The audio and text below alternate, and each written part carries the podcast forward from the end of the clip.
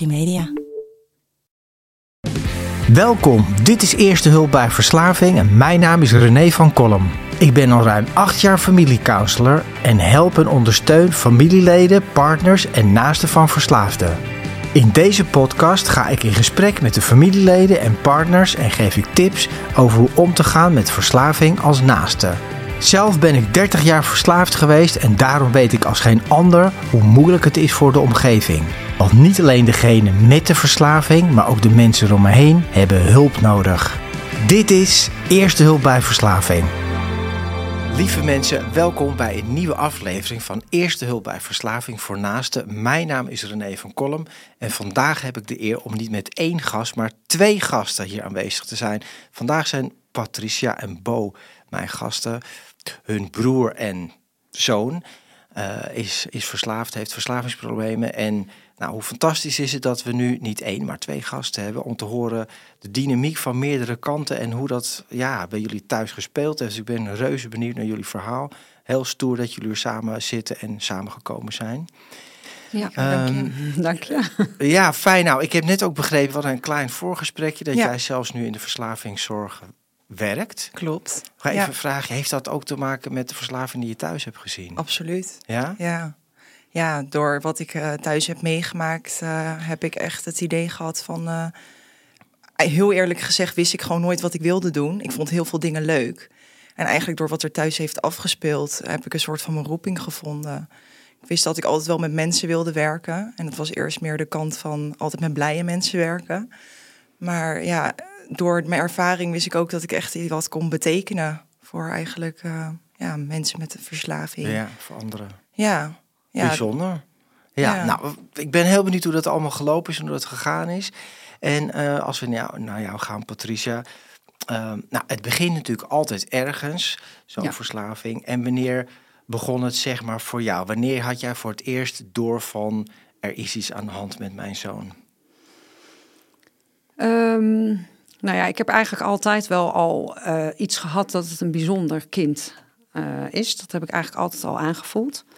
Ehm, alleen ja, de echte problematiek begon eigenlijk zo rond zijn 14e, 15e levensjaar. Mhm. Zo is het eigenlijk op die leeftijd is het ongeveer begonnen. Ja.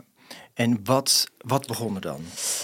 Ehm, ja, Brett was altijd iemand die eh, heel erg lang bij mij bleef. Hè, echt als een aapje om me heen. En dan denk je op een gegeven moment, ja, het is de puberteit... waardoor hij meer afstand gaat eh, bewaren. Ehm, problematiek op school, wat al eh, meewerkte. Ik heb op een gegeven moment ook wel gedacht van... goh, wordt hij geplaagd misschien? Ehm, als ik dat ging navragen op school, was dat eigenlijk, kreeg ik altijd wel te horen dat, dat, niet aan, dat daar niks mee aan de hand was. Achteraf blijkt dus weer van wel.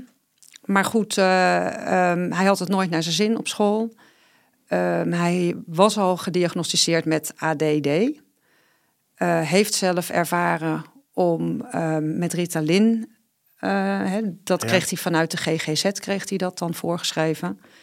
Daar zijn we mee gestart. Daardoor had hij al het idee van, hey, dit doet wat met mij. Het helpt. Het Ja. helpt. Van daaruit, want Brett is iemand die heel veel zelfonderzoek doet. Eh, gaat overal eh, alles uitzoeken. En op internet is hij gaan speuren naar vergelijkbaar materiaal. En uiteindelijk is hij eh, bij cocaïne terechtgekomen. En toen voelde hij zich behoorlijk het mannetje. Dat is natuurlijk wel... En dat was Ja. eigenlijk wel de duidelijke trigger. Ja, ja, daar we, is het wel echt om begonnen. we hebben eigenlijk altijd wel aan Brett gemerkt dat hij moeite heeft met het leven. En dat is eigenlijk al van ja, baby, kinds af aan. Ja. Ehm, ik denk ook in combinatie met wel een, een, een, een dominante vader waar hij tegen opkeek. Ehm, merkte bij zichzelf dat hij eigenlijk helemaal niet zo was. Ehm, en inderdaad, cocaïne gaf hem dan een soort, wel die, zelfverzeker, ja, die zelfverzekerdheid die hij zelf niet Ja. ja, ervoer eigenlijk. Ja. Nou ja, wat jullie nu al vertellen is zo vreselijk herkenbaar dat, ehm, zoals ik het ervaar en wat ik ook van mezelf weet, dat bijna alle mensen met verslaving hebben iets, hè, Ja. ook iets extra nog erbij, een Ja, ADD absoluut, of iets absoluut. van autisme of wat dan ook, Ja. of depressie of een laag zelfbeeld of gewoon een rotgevoel van binnen, nou wat ik heel goed ken. En dat omgaan, ehm, de, ja, moeilijk omgaan met het leven zoals het is. Dat is natuurlijk eigenlijk, hè, dan ga je zoeken naar een oplossing. Ja. Ja. Maar Ja. wat ik wel bijzonder vind, dat je zegt van hij ging eigenlijk onderzoeken van die, die eh, medicatie die Ja. hij had. Daar kwam hij ook op andere middelen die. Ja, Ja, absoluut. ja. het is natuurlijk wel iets anders of je cocaïne gaat gebruiken of iets van een dokter krijgt. Ja, maar het is gewoon puur dat onderzoeken van... hé, hey, eh, dit zit daarin. ehm, eh, hè, is er iets wat misschien nog meer dan dit alleen? En daar, ja, zo is hij eigenlijk met cocaïne begonnen. Hè? Of na die Ja. Ritalin, cocaïne. Nou ja, en ik Hij heeft wel andere dingen ook geprobeerd. Alleen dat gaf hem dan niet. Ik bedoel, volgens mij werd, werd wel eens op mijn 17e of 18e verjaardag. Toen kwam een vriendin van mij naar mij toe dat hij een ecstasy-pil had genomen. Ja. Ik wist nog niet eens wat ecstasy was. Ik was twee jaar ouder, maar ik had geen idee. Nee.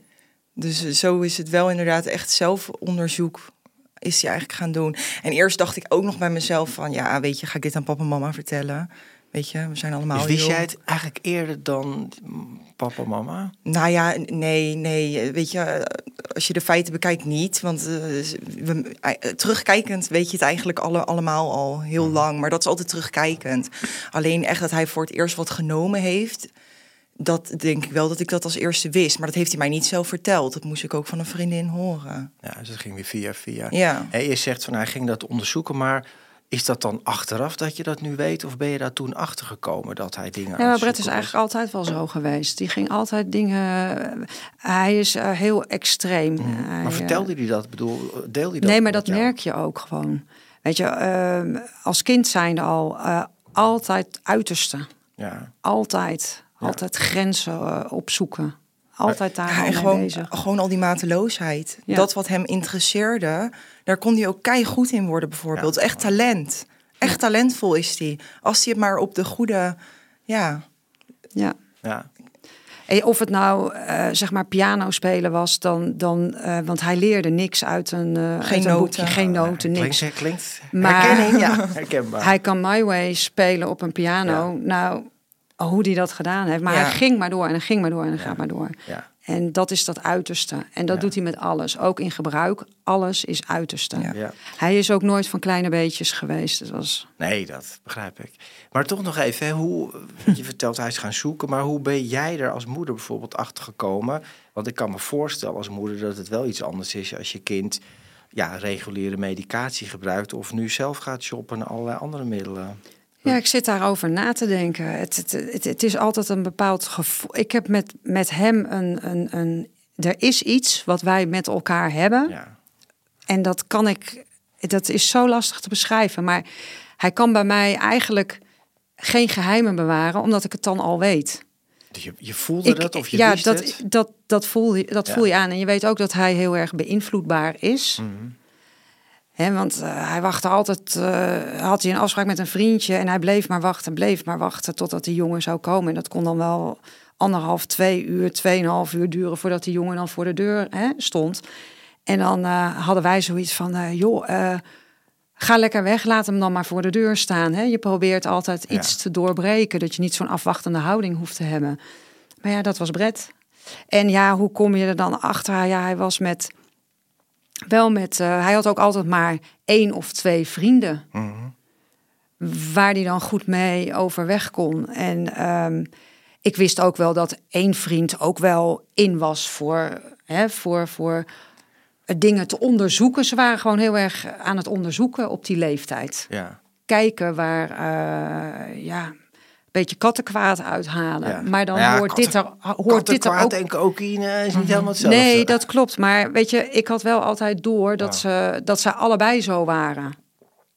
En in de eerste instantie, ehm, ja, ik denk wel dat, eh, dat tenminste, ik denk dat Ja. dat redelijk normaal is. Dat je als ouder altijd denkt dat het aan de ander ligt. Mijn kind is het niet. Ja, Uiteraard niet. tuurlijk. Mijn kind doet dat niet. Maar ja, je gaat op een gegeven moment natuurlijk. En wij vonden ook wel. Hè, eh, ja, ik denk ook wel dat ik die pa- pakjes vond op een gegeven moment is in de kamer. zo- want ik Is ga. dat zo op een gegeven moment gegaan dat je pakjes tegenkwam en ja, ik vind het heel moeilijk om daar... ehm, Ja, ik denk dat ik gewoon vooral op zijn kamer ook op onderzoek uitging. Oké, Ik was ja. gewoon wel heel nieuwsgierig. Ik ging denk ik de gang, zijn gang na. Ik, ik weet namelijk wel dat jullie op een gegeven moment met het Yes We. Can kwamen. En dat ik echt dacht, wat is dit voor, voor iets overtrokken? Ik dacht echt, dat is toch helemaal niet nodig? Was eigenlijk nog niet echt. een hij was ook nog zo jong. En Ja. ik dacht echt van ja, weet je, ja, volgens mij is hij gewoon aan het experimenteren. En mijn moeder is gewoon altijd best wel overbezorgd geweest. Ehm, ja, en, en zeker over mijn broertje. Ja. Omdat, ja, ik denk wat, wat die band die zij delen, inderdaad, van het is ook ja, toch altijd wel een soort van zorgenkindje geweest. Dus ik dacht eigenlijk weer van, joh mam, Ja. overdrijf je niet een Doe beetje. normaal, ja. weet je, ehm, we zijn allemaal jong, we proberen allemaal dingen uit. Ehm, zo is hoe ik er eigenlijk in eerste instantie in stond. Dus ik, ik was, ik, ik weet, ik kan er dus ook niet echt een vinger op leggen hoe dat gegaan is. Ik was er ook niet zo mee bezig. Zoals, Nou ja, dat gaat natuurlijk, het is een proces. Hè? Ja. Tenminste, kan me voor, je vindt wat, je ontdekt wat. Er gaat misschien langzaam een radartje draaien, maar dan denk je toch ook weer van, nou, het valt wel mee. Hè? Iedereen doen ze allemaal, is een keer gebeurd. En Ja. is er dan, ik hoor wel, hè, je noemt een kliniek, is, dan is er toch wel ook een punt geweest dat je dacht van, holy shit, nu gaat het wel echt mis of zo. Dat moet nu, nu dit gaat de verkeerde kant op. Ja, ik denk dat dat wel echt is geweest toen ik die pakketjes ook allemaal ging eh, vinden. Maar En wat, ook, wat dacht je bij jezelf? Je vindt een pakketje, wat, wat gaat er door je heen? ja, ik had eigenlijk gelijk al een beetje, denk ik wel, die machteloosheid over me. Van, eh, want, want je merkt ook dat hij niet meer zijn afspraken nakomt. Hè? Eh, thuis heb je natuurlijk altijd van, joh, we eten zo laat en, en, Ja. en we gaan zo laat gaan we dit doen en dan gaan we dat doen en eh, we gaan in het weekend daar en daarheen. Ja, en hij gooide continu de kont in de krib, dus hij luisterde totaal niet meer. Hij ging zijn eigen. Hij ging eigen echt totaal zijn eigen weg. Ja. En kwam binnenlopen wanneer het hem uitkwam. En, eh, En ook wel isoleren op zijn kamer. Gamen. Dat was Gamen. toen ook nog wel echt zo'n dingetje. ja. En hoe, dat hoe was dat voor jou, Bo? Want hoe, hoe is jouw broer met je, eh, de band met je broer überhaupt? Wij zijn ehm, twee hele verschillende personen, maar ook echt ehm, twee handen op één buik. Oké. Dus de band die ik met mijn broertje heb, vind ik ook heel zeldzaam. Ja, dat is ook heel mooi. Ja, absoluut. En ik, ehm, ja, ik, ik, ik, ja, wat je ook in het begin denk je ook, weet je, hij gaat naar een kliniek en dan is het klaar. ja. Ja. je bent zo onwetend. Ja. Je denkt Ja. gewoon van, oh, dan is hij weer gezellig met ons en dan kunnen we gewoon weer het normale gezin eh, spelen. Maar merkte jij bijvoorbeeld wel, hè, eh, je moeder zegt van, nou ja, afspraken kwam er niet meer na Ja. dingen. Merkte je dat er tussen jullie dingen ging veranderen in de omgang of in Mm, de sfeer? Ja. ehm, Je moeder knikt van ja. Ja. Ja, ik denk Ja, ik, dat- het is voor mij ook alweer heel lang terug. En ik was zelf ook wat jonger. Ja. Ik weet wel dat ik altijd echt een soort van, ook een soort van beschermende rol wel over hem had. Ehm, het was ook altijd, ja, hij was gewoon ook best wel nalatig of zo met dingen. Dus ik zorgde dat zijn fiets buiten stond. Ik zorgde dat zijn schooltas gepakt was. Want het was ook gewoon zo, en dat was niet bewust, dat ze mij die verantwoordelijkheid wilden geven. Ja. Maar mijn ouders zeiden van, ja, jij moet je broertje mee naar school nemen Ja. en weer mee terugnemen. Dus ja, als, als zus ging je ook heel snel een soort van, ja, ook een soort van, een soort, ja, toch wel een zorgrol. Maar hij is je- ouder dan jij. Nee, hij is jonger Oh, dan jonger. dat ik ben. fout, ja, ja, Ja. hij is jonger dan dat Ja, ik ben. dus Maar jij was de verantwoordelijke zus. ja, En ook de brave zus, denk ik. Ja. Braver. absoluut. Ja. Ja. Ja. want er was Ja. geen ruimte voor nog meer ellende, zeg maar, Nee. eh, op een gegeven moment. Ja, hoe, eh, ja, als je dat zegt, hoe heb jij dat dan ervaren? Ging er, Je doet het gewoon. ja, maar Ja. ging er dan veel aandacht naar hem en minder naar jou? Ja, Of- absoluut. Hoe Ja. was dat? Ik heb dat destijds niet als vervelend ervaren. Ehm, ik, ik, ik denk met name op latere leeftijd dat ik zoiets had van... ehm, ja, dan ga je erover nadenken en ik krijg besef inderdaad. Dat je denkt van, joh, ja, gewoon wel jammer. Er was gewoon minder tijd voor mij. En dat, dat had niet alleen met mijn broertje te maken... maar ook wel omdat jullie alle twee een eigen zaak hadden. Dus het was gewoon... Soms hadden, ja, eh, vriendinnetjes het over de dingen die ze dan met hun ouders deden. En dan dacht je van, ja, dat... dat dat, dat doen wij eigenlijk bijna niet. Het ging heel veel tijd. Ik was geen winkelmoeder of... eh, nee, En, ze- en ik heb wel altijd ook in mijn achterhoofd gehad... alles wat er gebeurde, gebeurde uit goede bedoelingen. Dus ik, ik heb er ook altijd een soort van wel vrede mee gehad. En, en, en ik denk dat mama vooral ook nu later... het altijd een soort van heeft goed proberen te maken... dat het dat eigenlijk helemaal niet hoeft. Ja, dus ja, ja ik, maar dat, nu ontstaat al, hè, ik, maar als je erover praat, dat is dan de dynamiek die er. En jij pas je natuurlijk aan als de brave zus die Ja. het goede voorbeeld moet geven. Hè, wat hartstikke lief en heel goed is. Maar Mhm. op een stuk doe je zelf dan ook wel weer tekort. Klopt. zeker. Ja. En dat is iets waar ik tot op de dag van vandaag nog tegenaan loop. Ja? Zeker. Ook in een huidige relatie, bij wijze van spreken. ja hoe ziet dat eruit dan? Wat doe je dan? Ja, je, je cijfert jezelf eh, totaal weg. Ja. Terwijl iemand vraagt er niet om, maar het is gewoon je overlevingsmechanisme, wat zeg maar dan weer in een noodmoment omhoog komt. Ja. En dan, dan ga je gewoon, je, ja, je gaat die rol weer in. En ik kan op mijn werk ook doodleuk tegen anderen zeggen dat ze dat niet moeten doen. ja, dat kennen we, ja. Maar zelf doe je het net zo hard. Ja. Dus ik denk dat altijd dan geldt, het is makkelijker gezegd dan gedaan. Ja, dus jij bent de redder, zeg maar, toch? Hè? De- Degene die zich, hè, codependency, die term ken je, Ja, denk ik. absoluut. Ja. Eh, Dus jij pas je heel erg aan aan de ander. Ja. Ja, dat heeft ook echt wel op een gegeven moment voor frictie in het gezin gezorgd. Ja. ja, ik vond het heel lastig om nog eh, af en toe eh, ja, de ouderrol van, van mijn ouders te accepteren, zeg maar. Hoe is dat voor jou om te horen, Patricia, dat je dochter dit soort dingen Nee, maar dat, daar hebben wij het wel over. Ja. Dat ik, eh, ik, ik, ik weet ook dat dit bij haar leeft. Dus dat. Maar hoe eh, voelt het voor jou? Vind je- Is dat... Ja, vind ik verschrikkelijk. Ja, ik zie ja. het aan je. Ja, vind ik echt. eh, Ja. ja. Ja, ja. het is best pijnlijk natuurlijk. Zeker, zeker. Want je hebt natuurlijk twee kinderen. En, eh, maar ja, weet je, je- ja, je, Je, je, weet niet, je weet niet wat je overkomt. Ja. Dat, eh, en nogmaals, wat ik zeg. Hij, eh, eigenlijk toen hij geboren was, eh, had ik al zoiets van: eh, er is iets. Ja. Ja. Ja, weet je, En en, dat- nee, ik zou je wel echt willen mee, mee want ik zie het je, hè, je gaat zo zitten, je houdt, ja, nee, dat is oké, hè, maar dat, dat raakt je dus, en, Ja, maar voel je zeker. er niet schuldig over, weet je, want je komt gewoon in een verhaal terecht, in, in een film terecht die je niet kent, waar je niet weet hoe je moet handelen, Nee. en ook al wat jij zegt, al zou je het weten, ja, ga er maar aan staan, hè, het is Ja. zo moeilijk om daar uit die dynamiek Ja. te Ja. blijven op een gezonde manier en tegelijk weten wat je moet doen. Ja. En jij hebt ook naar je beste. Nu ben ik jullie Absoluut. aan het redden, hè? Maar je, je bent ook naar je beste absoluut. handelen. Heb je daar Tuurlijk. ja, Ja. weet je, Ja. het beste kunnen gehandeld? En dat snap je ook wel. Hè? Dus Ja. dat weet je ook wel. Alleen, ja, het knaagt toch aan je. Ja. Dus ja, dat. eh, ja, en dan zijn we al hoeveel jaar zijn we nu verder? Nou ja, we zijn nu. Ja, ik denk eh, ruim tien jaar verder, ruim tien zeker. jaar verder, ja. Ja, kan je nagaan hoe lang dit ook, Ja. hè? Wat jij net zei van, nou, we gaan naar een kliniek en dan is het opgelost. Dat denken nog steeds heel veel mensen. Ja, En was het maar zo, ik zou willen dat het zo werkte, maar ja. dit gaat jaren, werkt dat door Nou ja, ik, ik, ik hoorde toen we hem dus uit eh, de eerste kliniek eh, haalden, zaten we ook echt een beetje lacherig in de auto met elkaar. Ja, Zo van, nou hè, Brett, goed al goed. ja. hè, het is goed afgelopen, nu zijn we klaar met die onzin en we gaan gewoon weer, eh, hup, hè, blikken vooruit en eh, dit Ja. was het dan wel weer. ja. Hè? Maar Eigenlijk echt een ja. beetje quasi lacherig. komt ook om.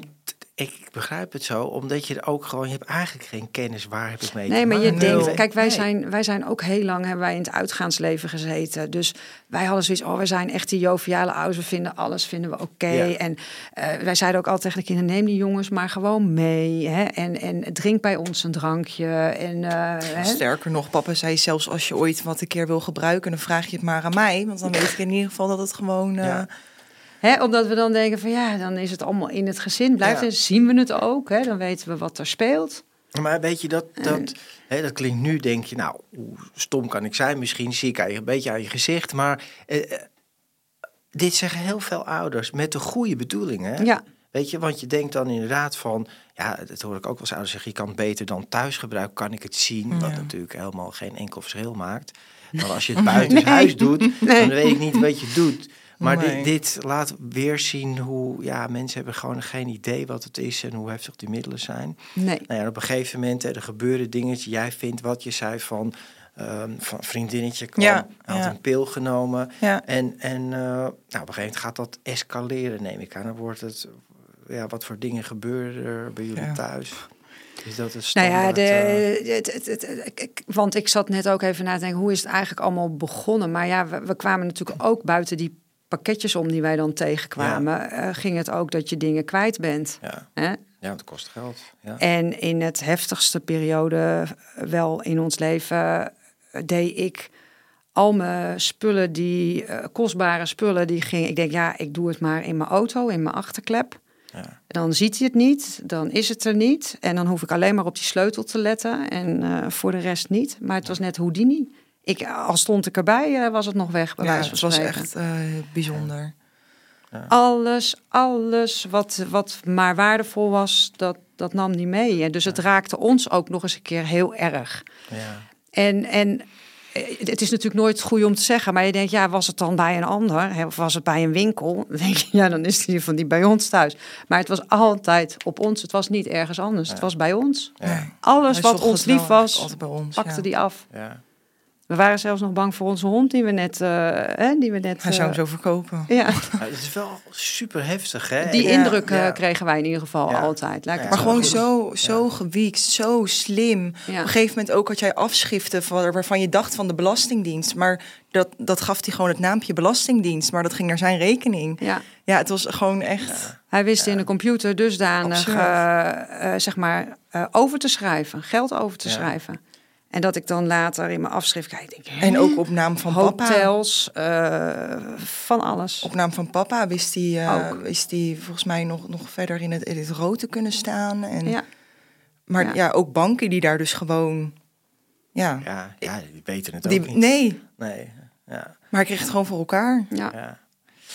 ja, het is heftig. Hè? En ik bedoel, wat jullie zeggen, en ik ben geen haar beter geweest. Ja. Maar ik heb ook het hele, ja, min of meer het hele huis van mijn ouders leeggetrokken vroeger. Hè? Zilveren bestek, sieraden. eh, vroeger had je nog cd's. Nou, dat is natuurlijk, maar dat was toen nog wat waard. Of dvd's, weet ik veel. Alles. En ik ontdekte steeds weer, oh, dat, dat werkt ook. Oh, dit Ja. wordt er super gehaaid in. ja, heel geraffineerd. Ja. En dan liegen deed ik ook. En dan werd ik met iets geconfronteerd, soms. En dan, nou, dan zei gewoon, nee, ik weet echt, ik weet het niet. Eh, Zodat jullie aan jezelf gaan twijfelen. Ja, maar dat is het, want dat ga je Ja. doen. Dat ga je ook Enorm. doen. Ja, Ja, dat ga je ook doen. En, en, en- je geeft nog eerder iemand anders de schuld dan, dan dat je hem de schuld geeft, Ja. bij wijze van spreken. Het Ja. slaat nergens op. en ik ben wel benieuwd naar ook dan de dynamiek tussen jullie. Hè? Want er gebeuren dan dingen. Zei jij er bijvoorbeeld tegen Mhm. je moeder? Ja, hoe- Ja, hoe ging dat dan? absoluut. Ja, op een gegeven moment kwamen we natuurlijk wel op een punt dat ik zei van...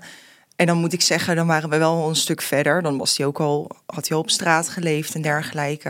En dan wilden mijn ouders hem nog een kans geven en weer in huis nemen. Ja. Dat ik echt zei, als jullie hem nu in huis nemen, dan ga ik eruit. Want, En dat is niet om hun een keuze te geven, maar om, dat was gewoon zelfbescherming. Ik dacht gewoon echt, ik trek het niet nog een keer om aan te zien hoe die ons dan bij wijze van spreken kaal plukt.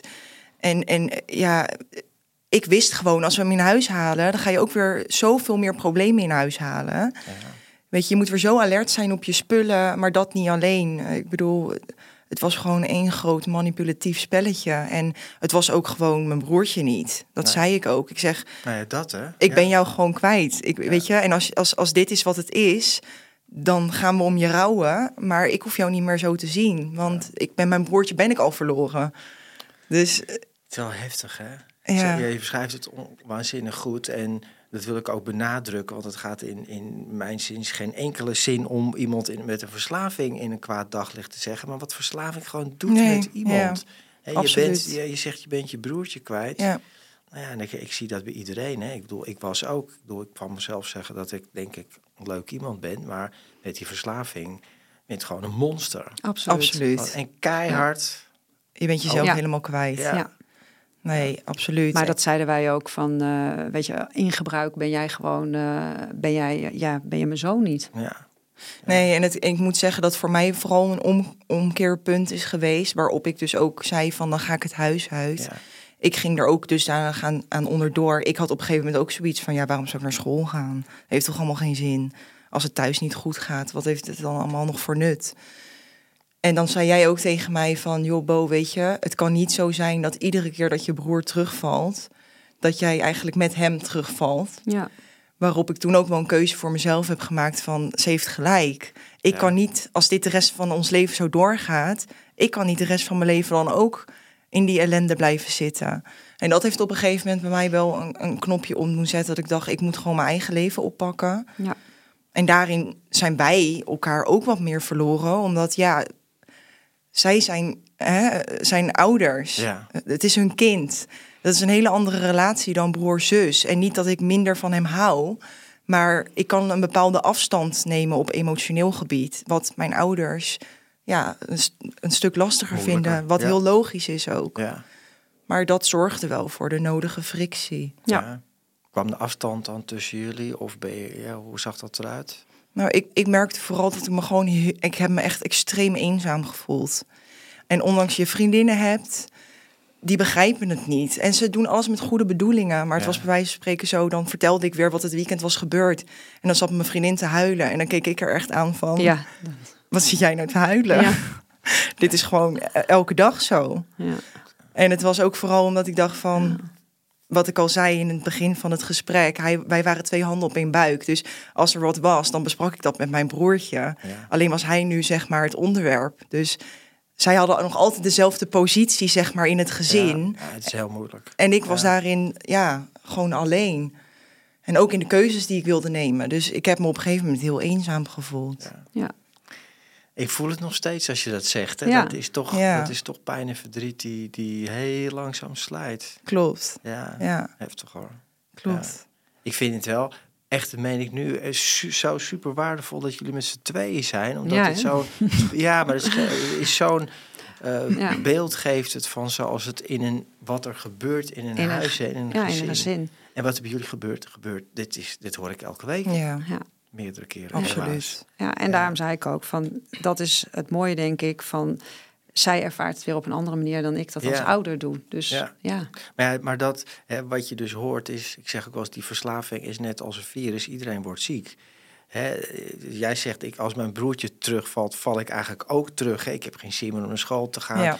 Eh, hè, dus wat, wat de verslaafde ervaart van de zinloosheid van het leven, ervaart de naaste ook vaak. Hè? Absoluut. Minder sociale contacten, minder leuke dingen. Gewoon, eh, ja, het- het- er is niks meer aan. Nee, de telefoon ging ook uit. ook. Ja, dat ik- vooral ook. Ik, hoe, heeft, eh, hoe, jij, hoe heeft jou dat beïnvloed? zeg Mij maar? sowieso. Bij, me, bij mijn man was, is dat wel anders. Bij mij wel. Ja. Ik ben eh, heel erg op mezelf. En je, ja, je gaat eh, je sociale contacten ook een beetje buitensluiten. Dus niet omdat ik me ervoor schaamde. Dat, Mhm. dat absoluut niet. Ik ben er ook altijd wel open en eerlijk over geweest. Ook naar vrienden. Maar ik had die behoefte niet. Nee. Nee. Om tot te praten bedoel je erover? Nou, dat op zich wel. Ja. Maar ik, heb niet, ik had niet de behoefte aan eh, een leuk feestje. Nee. Want ik Ja, vond het dat- niet leuk. Nou ja, dat. Ja. Hè? Dus, sta je eh, daar met een glaasje. Ja, Hoe gaat het thuis? Nou, top. Ja. Ja, Mhm. nee, maar het is niet leuk. Nee. En ja, hoe is het met Brett? Ja, Ja. ehm, wat moet je erover zeggen? ja. Ja, en weet dan kan het je weet het niet. En het kan vandaag goed gaan en dan Ja. kan het morgen weer niet goed gaan. Ja, dat, Ja. Dat, dat weet je niet. En welke zeg maar, stappen hebben jullie ondernomen als gezin hè? Of, of een moeder en, en man, je, je partner? Van dat je zegt, ja, nou nu moeten we echt, eh, ik hoorde al klinieken, maar wat voor andere dingen heb je ondernomen? Ehm, moet even, even dat ik begrijp wat je bedoelt. nou, wat ja. voor stappen qua hulpverlening heb je ondernomen? Oké. Ben je naar een huisarts, ben je naar een kliniek gegaan? Nee, huisarts eigenlijk niet eens zo. Nee, ik denk dat ik... eh, ja, er komt eigenlijk ook die zelfonderzoek naar voren. dat ik gewoon zelf ook wel eh, ben gaan kijken van waar kan ik mijn hulp Van het halen. internet, ja. Eh, ja, maar ik denk ook wel vanuit de klinieken natuurlijk, Ja. hè, dat er hulp geboden wordt. Dus, want dan, jullie hadden al een aantal klinieken gehad. Jazeker. Ja. Hoeveel ongeveer, denk je, toen al? Oh, Ik denk toch echt wel eh, dat we tegen de tien aan zitten. Tien? ja. Dat is echt wel heel veel. Hè? ja, heel veel. Ja. Ja, Ja. ik moet ook wel zeggen, ook in mijn werk, weet je, ik zie veel mensen met verslaving, Ja. ziekteverslaving. Maar ik schaal mijn broertje ook wel echt. Ja, je hebt toch gradaties of Ja. zo. Klopt. Dat is, ja, en, dat, en ik moet zeggen, dat heb ik op de dag van vandaag nog steeds. Ik hoop, ik hoop dat hij het haalt. Ja. Ik zie hem toch wel als een van de hardnekkige verslaafden. ja. Ja, zeker. Hij heeft het Ik er ook, gewoon ja. moeilijk mee. Ja, Dat, dat is het ook. En daar moet je keihard voor werken om Ja. in herstel te, en te Ja. komen en dan te blijven. Ja, Maar dus wel tien klinieken, dat is echt... Nou, ik ben ook veel naar klinieken geweest. Maar ik ben natuurlijk wel een stuk ouder en nog een andere carrière tussen aanhalingstekens op dat gebied. ja. Ja. Maar dus je zijn wel naar klinieken gegaan. En je zei ook wel van, dan zaten we terug in de auto en dan dachten van, nou, nu is het, eh nou gaat het Ja, wel op een goed gegeven moment natuurlijk niet meer. Hè? Als Nee. je, Nee. op een gegeven moment paar heb je wel denk je, zoiets van... eh, nou ja, dit... eh Eerst zien dan geloven, Doe maar weer. Ja. Ja. maar weer. Ja, en, eh, En hoe ga je dan, komt hij eruit en heb je een paar klinieken gehad? Je denkt, nou, dat ja, en je dus. gelooft ook weer van het gaat goed. Hè? Want als je hem dan hoort, dan heb je zoiets van... Zo, je hebt een hoop geleerd. Ja. Dus eh, ja, nu... ehm, ja, weet je, ik kan me bijna niet meer voorstellen... dat het nu nog een keertje mis kan gaan. Ja, Maar ja, dat- Doe ook er juist een schepje bovenop. Ja. juist. Ja, Ja. ja. het, elke keer als je Wordt terugvalt, steeds gaat het harder, hè? Ja. En ging hij, eh, ging hij naar twaalf stappen, eh, groepen, meetings, eh, dingen? Ik bedoel, want een kliniek is Mhm. een training hè, of een behandeling, maar daarna moet je het gaan toepassen.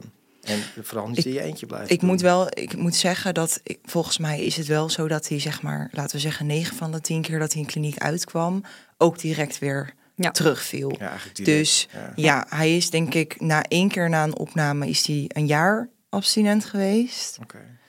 En dan nu dus twee jaar. Maar dat is het ook wel een beetje. Ik denk dat de rest allemaal hooguit Ja. week, twee weken. Ja. Het was eigenlijk elke keer meteen weer beurt. Dus meetings en dergelijke heeft hij dat ooit echt een eerlijke kans gegeven? Nee.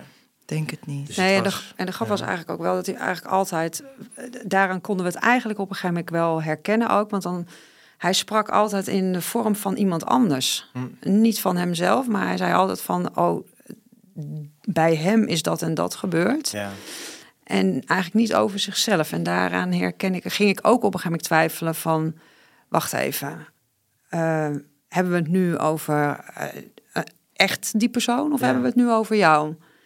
En dat, eh, Ja. dat merkten we ook wel heel goed. Hij kon heel erg afstand nemen van zijn eigen gevoel. Ja, En zijn jullie als, eh, nou, als moeder en, en zus en, en je man dan, zijn jullie bijvoorbeeld dingen gaan veranderen als hij terugkwam? Maar ik kan me heel goed voorstellen, één kliniek, twee klinieken, denk je nou oké, moet kunnen, maar op een gegeven moment na drie, vier denk je, ja, Mhm. ja, misschien moeten wij ook wat anders doen. Zijn jullie grenzen gaan stellen of zijn jullie dingen anders gaan neerzetten voor hem dan of tegen de verslaving? Ja, op een gegeven moment denk ik ook wel dat we hem echt niet meer terug in huis wilden.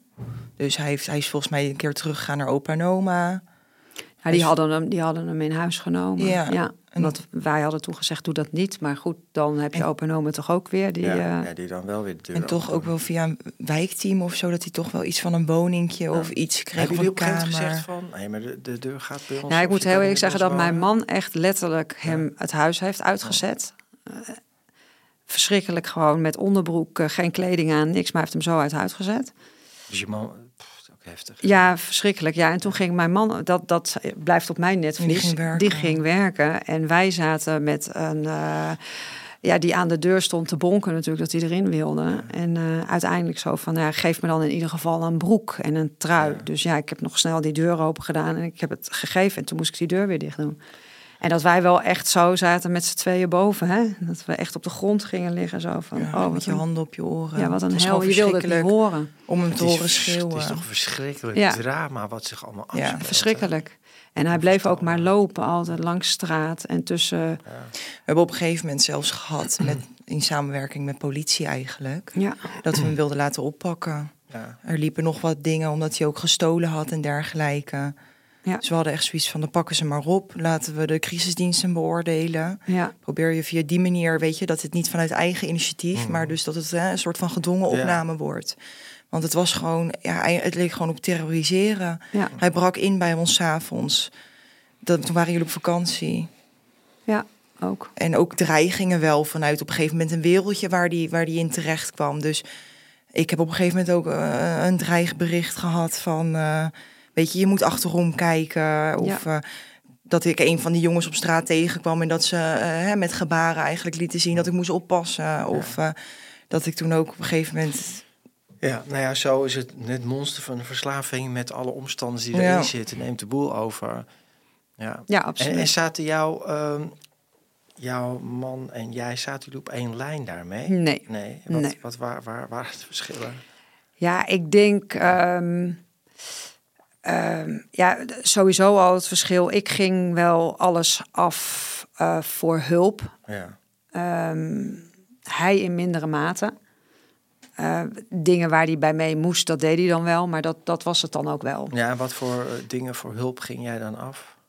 Ja, coach. Coach zoeken voor Ja, ja. mezelf. Oké. Ja. Maar dat was dan ja, eigenlijk altijd wel gewoon één op één. Ja. De groepen vond ik altijd wel vrij lastig. Ja, bedoel je dan 12 stappengroep of andere groepen? Nee, groepen van naasten. Hè? Ja, dus eh, voor ouders. Ja. Waarom vond je dat lastig? ja, om in groepsverband eh, me zeg maar echt uit te spreken, vond ik wel eh, heel lastig. Maar Ja. ik ben toch benieuwd, waar, wa- wat was er lastig aan, zeg maar? Is dat... Nee, ik had meer, ik, meer zoiets van eh, de verhalen die ik hoorde daar. eh, Ja, ik, eh, ik had altijd zoiets van, ik vind het voor die mensen zo erg.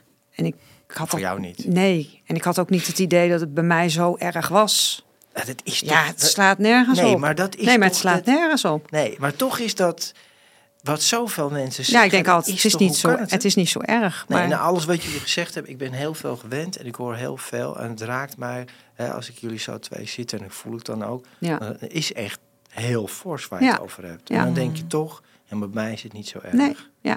Je bent altijd met anderen. Ja, dat hebben wij wel echt heel erg in ons zitten, denk ik. Je denkt, het kan met altijd altijd, erger. ja, het kan altijd erger. Dat is ook elke keer gebleken. Misschien Ja. daarom ook een beetje. Met elke terugval, zeg maar. Ja. Maar eigenlijk, eh, om even terug te gaan Ja. op... eh, we hebben hem eigenlijk nooit echt... Kijk, we hebben hem wel op straat gezet. Of tenminste, we zeg ik maar, dat is mijn man geweest dan. Maar wij hebben hem nooit laten vallen. En wat is het dan, wat, hoe, hoe- leg je dat uit, zeg maar? Wat houdt dan in niet laten vallen?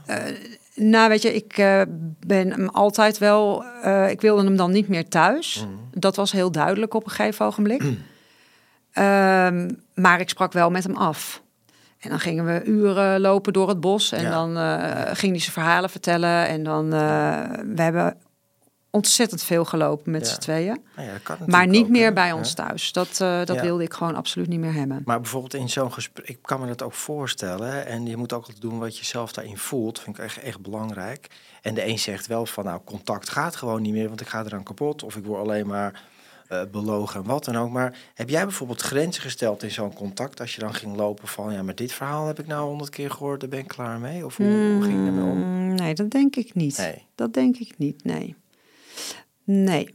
En weet je Nee, dat ik dat... heb- ja? Ik heb het wel, zeg maar, gewoon allemaal aangehoord. En ik, ik heb wel mijn mening erover eh, hè, uitgesproken. Ja. Maar, eh, en ik heb natuurlijk wel aangegeven van, eh, ja, weet je, wat jij wil doen, het is jouw leven. Maar ik wil niet binnen, hè, dus, dus waar wij wonen, dat, is, dat is na de, al die inbraken zijn we weer verhuisd. Want ik zei tegen mijn man, ik wil hier niet meer wonen. Dus we zijn verhuisd. En dat huis is echt voor mij heilig. En eh, zolang jij gewoon in herstel bent, mag je bij ons thuiskomen.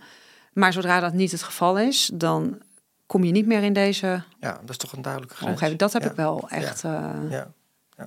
aangegeven. Ja, nou, dat is, dat een is mijn grens, Ja. laat ik het zo zeggen. Ja. En wat ik ook, eh, wat ook op mijn netvlies blijft zitten, is dat wil ik eigenlijk ook geen getuige meer van zijn. Is dat als hij op een gegeven moment gebruikt heeft, en dat zie ik, en, Ja. en, en dat hij dan wegzakt, dat, is, Ja. dat vind ik het ergste om te zien van mijn eigen kind. Want dan denk ik, wat doe je jezelf toch aan? En, en jullie daarbij ook. Ja, daar denk ik dan nog weer niet eens aan, maar, ja, eh, maar je gewoon doet het nooit echt. alleen jezelf aan. Hè? Dat Nee. is, Maar ik vind het zo erg om hem dan te zien wegsukkelen in, eh, in die rust. Dat Ja. ik, eh, nee, dat wat, vind ik... wat, waar ben je? Ik zie dat, dat je ook dan... Ja, dat, oh, vreselijk vind ik dat. waar, maar wat voel je dan als dat gebeurt? Ja, verdriet. Dat doet pijn. Ja. Ja, En ben je ook nooit bang geweest om hem helemaal kwijt te raken? Ja. absoluut. Ja. Dat hebben we ook wel uitgesproken op een gegeven moment naar elkaar. Ook zelfs dat we eigenlijk zeiden van... Was die maar dood? Ja, Dan rouw je, maar dan is het in ieder geval Ja. allemaal voorbij. En dat Ja. is echt denk ik wel het, op het heftigste moment geweest. Ja. Ik bedoel, je, je wenst natuurlijk nooit je, je kind of, of, of je broertje de dood in. nee. Maar gewoon die, die onrust, ja. constant onder spanning leven. En het was al zo lang, jaar in, jaar uit. Op een gegeven moment trek je het gewoon niet meer. En je gaat mee in die, in die pieken en dalen. Je gaat er gewoon in mee. ja. Dat is het. En weet je wat jij zegt? Hè? Ik, begrijp het omdat ik dit vaker gehoord heb van ouders. En mijn moeder heeft ook wel zo'n moment, moment gehad dat ze dacht van... ehm, ja, het zou verschrikkelijk zijn als in dit geval ik doodging. Maar dan had ze wel rust of zo. Dan Ja. kan je er een soort... Nou, precies, dat zeggen dat was het. dicht. Ja. Maar ik kan me ook voorstellen dat mensen die kijken of luisteren denken... nou, jullie zijn helemaal Ja. gek geworden. Ja, Hoe dat geloof ik ook. Hoe kan je Dat nou zeggen? Maar die weten dan hè, die glijdende schaal van wat je allemaal meemaakt... en die ellende die maar doorgaat. Ja. Dat er geen eind aan komt. Nee, maar dat merkte ik ook wel in een, in een praatgroep. Dat ik op een gegeven moment ook kon zeggen. En ik kan me daarin ook gewoon heel goed voorstellen dat mensen, als ze nog niet zo ver zijn, dat ze denken van ja, waar heb jij het in godsnaam over? Maar ik ben hem ook een soort van dankbaar. Nou, leg uit. Dat wil, dat wil Ja, hij heeft mij wel een ander mens gemaakt. Ja? En in mijn optiek echt een beter mens. En ehm, daar ben ik hem wel heel erg dankbaar voor. Ik vind het alleen heel vervelend dat voor hem natuurlijk Ja. eh, dat het dan zo gelopen Mhm. eh, is. En we hebben natuurlijk ook echt heel rottijden gehad. Maar, Dat klinkt wel zo, ja, nogal. hè? ja, ja. maar, ik ben hem toch ook wel ja. een soort van dankbaar. Ja, ik vind het ook wel, wel bijzonder dat je dat zegt. En in welke zin heeft hij jou dan, is echt een beter mens gemaakt of een ander mens gemaakt? Ja. Wat heeft het met jou gedaan? zeg Nou, maar? ik denk gewoon dat ik eh, minder vooroordelend ben, hoe ik dan vroeger wel kon zijn. Oké, ja. En ook dat ik heb gezien hoe hij langs de straat leefde. Dat mensen die nu ook langs de straat leven, dat ik denk, die mensen Ja. verdienen ook een stukje aandacht. ja. Allemaal Dus- een verhaal. ja Ik- die hebben allemaal een verhaal. hebben allemaal Ja, een verhaal. zo, ja. En dan denk ik, ja, zeg die mensen alsjeblieft ook gewoon gedag. Ja. Zie ze, zie ze in ieder geval. Laat ze niet links liggen, maar Ja. Ja, ik, ik, hoor, ik vind het wel mooi, zeg, een stuk compassie ook gewoon. Het is natuurlijk heel makkelijk om te denken, ja, dan loopt weer zo'n loser, Hmm. zo'n junk die steelt en doet. Maar het zijn natuurlijk gewoon mensen die ook een babytje Hebben een waren. en ook- ja, en die ook een verhaal hebben. Ja, Maar dat het is is het. gewoon een verwaarloosde ziekte. Ja. En ik denk ook wel dat ik eh, altijd zag vroeger. Ja, ik wilde gewoon, daarom had ik ook een eigen bedrijf. Ik kreeg op een gegeven moment het gevoel van, oh, ik kan, eh, kan goed mijn geld verdienen. En Mhm. eh, nou, dat vond ik zo belangrijk. Dat alles eigenlijk een beetje misschien wel, dat ik de dingen niet meer in goed perspectief zag. En eh, op een gegeven moment denk je van, ja, maar het is, het is helemaal niet belangrijk. Dat klote geld. Nee, Ik vind het veel belangrijker dat mijn kind gezond is. ja. En dat heeft hij me wel doen eh, inzien. Ja. En daarom heb ik ook gewoon zoiets van. eh, en dat heb ik ook tegen hem gezegd. Kijk, in de periode dat hij niet gelukkig was. Hij heeft nu na de laatste keer weer echt aangegeven van ik ervaar voor het eerst in mijn leven voel ik geluk. Dus al die jaren niet. Nee. Nee, hij is nooit gelukkig geweest. Hij is nooit gelukkig geweest. En ik kan je ook vertellen waarom dat nu wel is of wat hij dan gedaan heeft. Want geluk is in mijn beleving niet iets wat... Je wordt wakker en het is er, daar moet je dingen voor doen. Hè? Wat heeft hij gedaan, denk je, waardoor hij dat nu Maar ervaart? tijdens die begeleid wonen is dat eigenlijk eh, teruggekomen. Omdat hij dus in herstel raakte. Ja. En gewoon beter ook in zijn eh, vel kwam te zitten. Ehm, Ja. Schulden weg. Ehm, hij, Ik denk ook wat ouder worden gewoon, als ik heel eerlijk Ja, ben. denk ik ook. Gewoon, ja, je wordt ouder, je krijgt andere behoeften. Je ziet dingen Ehm, anders. Ja, En hij- het contact met zijn vader, denk ik ook heel belangrijk hierin geweest. Ja. Eh, werken nu ook samen. Oh ja, wat hij heel stuk- fijn vindt. Een stuk verbinding terug. Ja. nee, Hij heeft een autootje, Ja. hij heeft zijn appartement. ehm, Maar goed, daar heeft hij toch ook dingen voor gedaan. Want als je hem alleen maar doorgaat met gebruiken, dan krijg je deze dingen niet. nee. nee. Nee, dus hij is in herstel. Hè? En, en hoe, ehm, nog even van, even nog naar jou toe. Ja, ik vind het echt wel heel heftig ook wat je moeder zegt en wat het allemaal gedaan heeft. Mhm. En hoe ben jij dan, hoe ben jij zeg maar meer in jouw herstel gekomen hè, als zus van? Ehm, Heb jij dingen voor jezelf gedaan? eh, therapie of met mensen praten of zelfhulpgroepen? ik heb heel veel pogingen gedaan. ja, heel veel pogingen gedaan. Omdat ik ehm, bijvoorbeeld ja, een POH-praktijk ondersteunen van een huisarts. Ja. Ehm, ja, die, je gaat zitten en ze doen hun ding dat Ja. ze bij iedere persoon doen die hun kamer binnenstapt. En dan had ik al meteen zoiets van ja, waarom ga ik mijn verhaal bij jou doen als je niet begrijpt waar ik het over heb? Mhm. Dus eh, verschillende psychologen, zo is dat eigenlijk wel begonnen. Die, zei, die kwamen ook binnen en dan zeiden ze van, wat kan ik voor je doen? Dacht ik alsof ik aan het shoppen ben. Ik denk, ja, daar ben ik niet mee geholpen. En toen zei ik ook tegen mijn moeder van dat ik juist wel veel meer behoefte zou hebben, inderdaad, aan het hebben van contact met mensen in dezelfde situatie. Precies, die het weten. Ja. vond ik toen der tijd was dat nog veel minder. Ja. Nog veel minder als dat het er nu was. Ja, Dus ik ben wel eens één keer mee geweest naar. Broer en zussendag heb ik je meegenomen. Ja, en ook kook, Ja, ja. Voor je, kook van jou, volgens ja, mij was dat er toen Ja, ja, nog. ja. En er, daar sprak ook een zus. En dat, dat, dat deed me heel veel. Want Ja. ik herkende natuurlijk heel veel. ik, ja. Absoluut. Het is gewoon alsof ze jouw verhaal aan het vertellen is, zeg maar. Maar ik denk dat met name wat mij heel erg in herstel heeft gebracht, is me toch te gaan focussen op mezelf. En toch een bepaalde emotionele afstand van hem te nemen. Hmm. En ehm, ik denk dat ik nog altijd kan leren. Wat ik zeg, ik, ik loop nu nog steeds tegen dingen aan eh, van mezelf. Pogingen gedaan, zeg maar. Ja. En je hoorde een zus van, een, eh, eh, van iemand ook met een verslaving. Dat soort Ja. dingen heeft je geholpen. Ja, zijn toch weer de lotgenoten. Precies. dan- ja, Ja, ik denk Ja. dat de lotgenoten dat dat wel hetgeen is wat, wat je het meest helpt in zo'n situatie. ja, Ja, omdat die gewoon weten waar je het over hebt.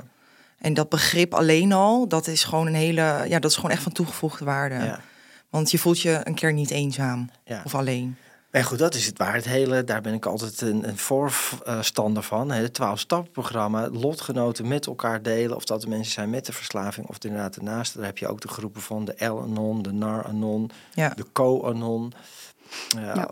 Ga er naartoe, de moedige moeders. Hè, dus eh, dat zeg ik tegen iedereen. Want dat is zo belangrijk. Want als je het voor jezelf gaat houden... en je gaat er je eentje uitzoeken achter de voordeur... nou, dat, dat gaat hem niet worden. Nee. nee. Hè, dus, maar je hebt ook je werk van gemaakt. En dan, Ja. ik, kan me ook wel voorstellen... ik dacht toen ik uit een kliniek kwam... nou, het laatste wat ik wil worden is hulpverlenen. Want mijn god, wat een ellende allemaal. En de moeilijke mensen. En ik wil nooit meer wat... Dat is niet helemaal gelukt, want ik doe het nu ook. Ja. Maar hoe ben jij daar dan toegekomen dat je denkt, ja, ik wil hier toch mijn werk van maken? Nou ja, ik was, ik, ik- bedoel, gedurende de, de, ja, het opgroeien en de verslaving van Brett eh, in actief gebruik dan, deed ik een studie.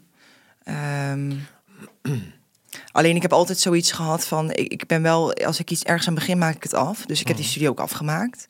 Maar toen was het wel van, en nu? Ik, ik had niet het idee dat ik echt daadwerkelijk wat met mijn studie wilde doen. Ehm, maar door wat ik heb meegemaakt en, en, en het verhaal wat ik kan vertellen en de ervaring die ik heb, ja, daar, daar wilde ik wel wat mee doen. ja.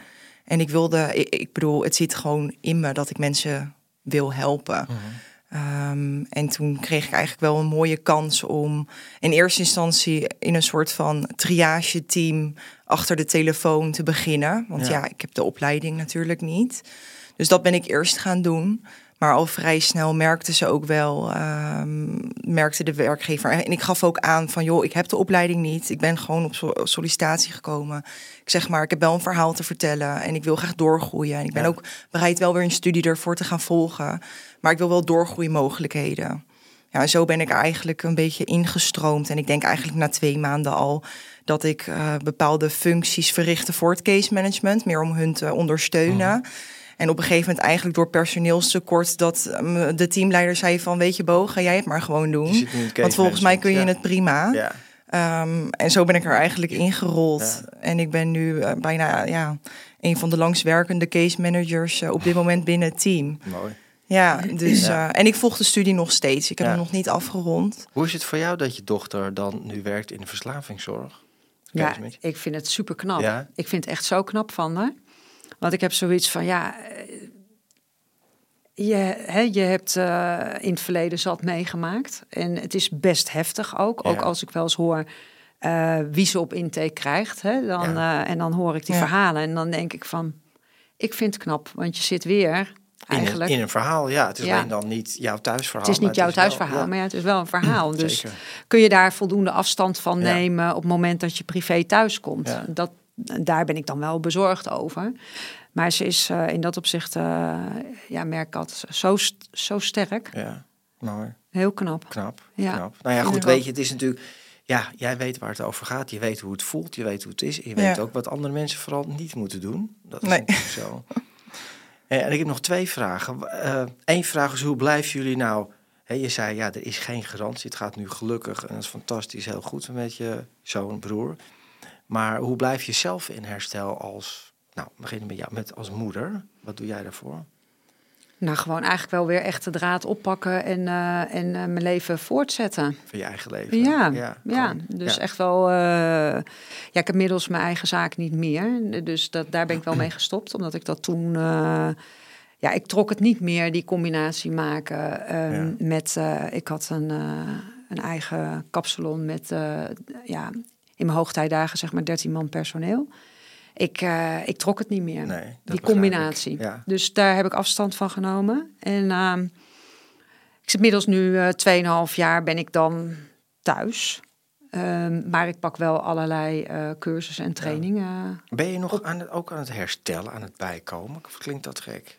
Ja, ik heb zelf niet die indruk, maar ik merk toch als ik nu zo bezig ben en we gaan weer heel erg in het gevoel Ja. zitten, dat er toch wel weer heel veel Ja. oud zeer ook weer naar boven komt. Ja, dat merk wel ik wel. zo, maar ik moet ook zeggen, en ik ga in Ja. januari zeker ook weer wat doen, omdat ik merkte, eh Brett die zat in Den Haag. En eh, dat vond ik eigenlijk heel prettig, omdat hij eh, op genoeg afstand van mij zat en niet in mijn omgeving. Eh, alleen hij had besloten om eh, toch eh, weer naar ons te komen, of tenminste naar Amersfoort te Mhm. Ja. komen. En daar had ik in het begin echt eigenlijk wel moeite mee toen hij dat ging vertellen. Want toen dacht ik, ja, dan zit je weer zo in, in mijn aura. Gaat het dan mis, dan is het ook gelijk weer bij ons. Ehm, maar goed, daar heeft mijn dochter eigenlijk ook wel van overtuigd van... ja, mam, maar als het in Den Haag de kant ook fout gaan... en dan komt hij toch ook weer onze kant op. Mhm. En toen dacht ik, ja, er zit natuurlijk ook wel weer wat, on, hè, wat in... want hij weet ons toch wel te vinden. Maar onze kant is maar niet bij jullie thuis meer, toch? Nee, nee, nee, nee, nee, nee, nee, nee, dat gaat echt niet meer Nee, gebeuren. nee, oké, nee, dat kan niet. Nee. Dat kan echt niet. Nee. Dus ehm, ja, dat eigenlijk. Ja, eh, dus, maar gewoon, dat is ook heel belangrijk, hoor ik jou net zeggen, van de focus op je eigen leven. Dat is het enige Ja. wat je kan doen. Hè? Ja. Hoe kan ik wel nog Ja. leuk uitgaan? Hoe kan ik nog wel gaan sporten, hobbyen, mensen onder ogen komen, wat dan ook. En gewoon je ding blijven doen. Ongeacht hoe het met degene met de verslaving gaat, waar jij zoveel van houdt. Ja, dat Ja, is een nou hele ja, kunst. ja. Ja. en dat is dus ook wat ik, wat ik dan, dat is dat ik, dat ik daar bang voor was dat hij dus Ja. onze kant uit zou komen. Maar wat ik nu merk aan mezelf, is dat ik weer in mijn moederrol schiet, omdat hij dus weer in mijn omgeving is. Ja, Dus ja. ik ga weer in die, ben ik geneigd om dingen te regelen. Ja. En hij zegt ook, ja mam, jij bent te snel voor mij. En dat, dat begrijp ik ook, maar daarom had ik ook al hulp weer ingeroepen voor januari. Dat ik zoiets heb, Voor jezelf. help mij, ja, voor Ja, mezelf. ja, ja, ja. Want ik merk dat ik weer in die rol schiet en dat wil ik niet. Nou, zie je, zo- Eh, en toen zo zei ze ook van, dat is niet alleen goed voor jou, maar ook voor je zoon. Omdat, ja, Ja. die wil juist loskomen. Ja. Dus ja, ik Ja. eh, ben dus weer hulp aan het Ja, nou ja, zo, bezig. maar zo is het en zo werkt het ook. Ja. dat je dat, ja, weet je, dus herstel is een ongoing proces, ook voor de familieleden van. Ja. En, en hoe blijf jij in herstel? Ja, eh, afstand. Ja. En ik merk ook dat ik dat dan weer heel snel... Ja, dat, dat leer je ook met de jaren. Ja, Op een gegeven moment kun je heel makkelijk afstand nemen. Omdat je gaat het los van elkaar zien. ja, oké. Dus weet je, ik, ik hou van mijn broertje, maar die verslaving die hoef ik niet in mijn leven te hebben. Oké, dat. Ja. Dus ik hou van jou, maar niet van je verslaving. Precies. Van de verslaving. Ja. Ja. Ja. Ja, je merkt daarin gewoon wel dat je na al die tijd wel wat afgevlakt bent. Ja, Ja. je kan makkelijker zeggen van tot hier en niet verder. Ja. En dat is ook nodig voor jezelf, hè? voor je zelfbescherming. Ja. En de- om het vertrouwen en de hele verbinding en openheid terug te geven. Daar gaan jaren overheen. Ja. Dat is gewoon zo. En wat is jullie als laatste? Wat is, heb je iets wat je tegen mensen die kijken, luisteren zou willen zeggen?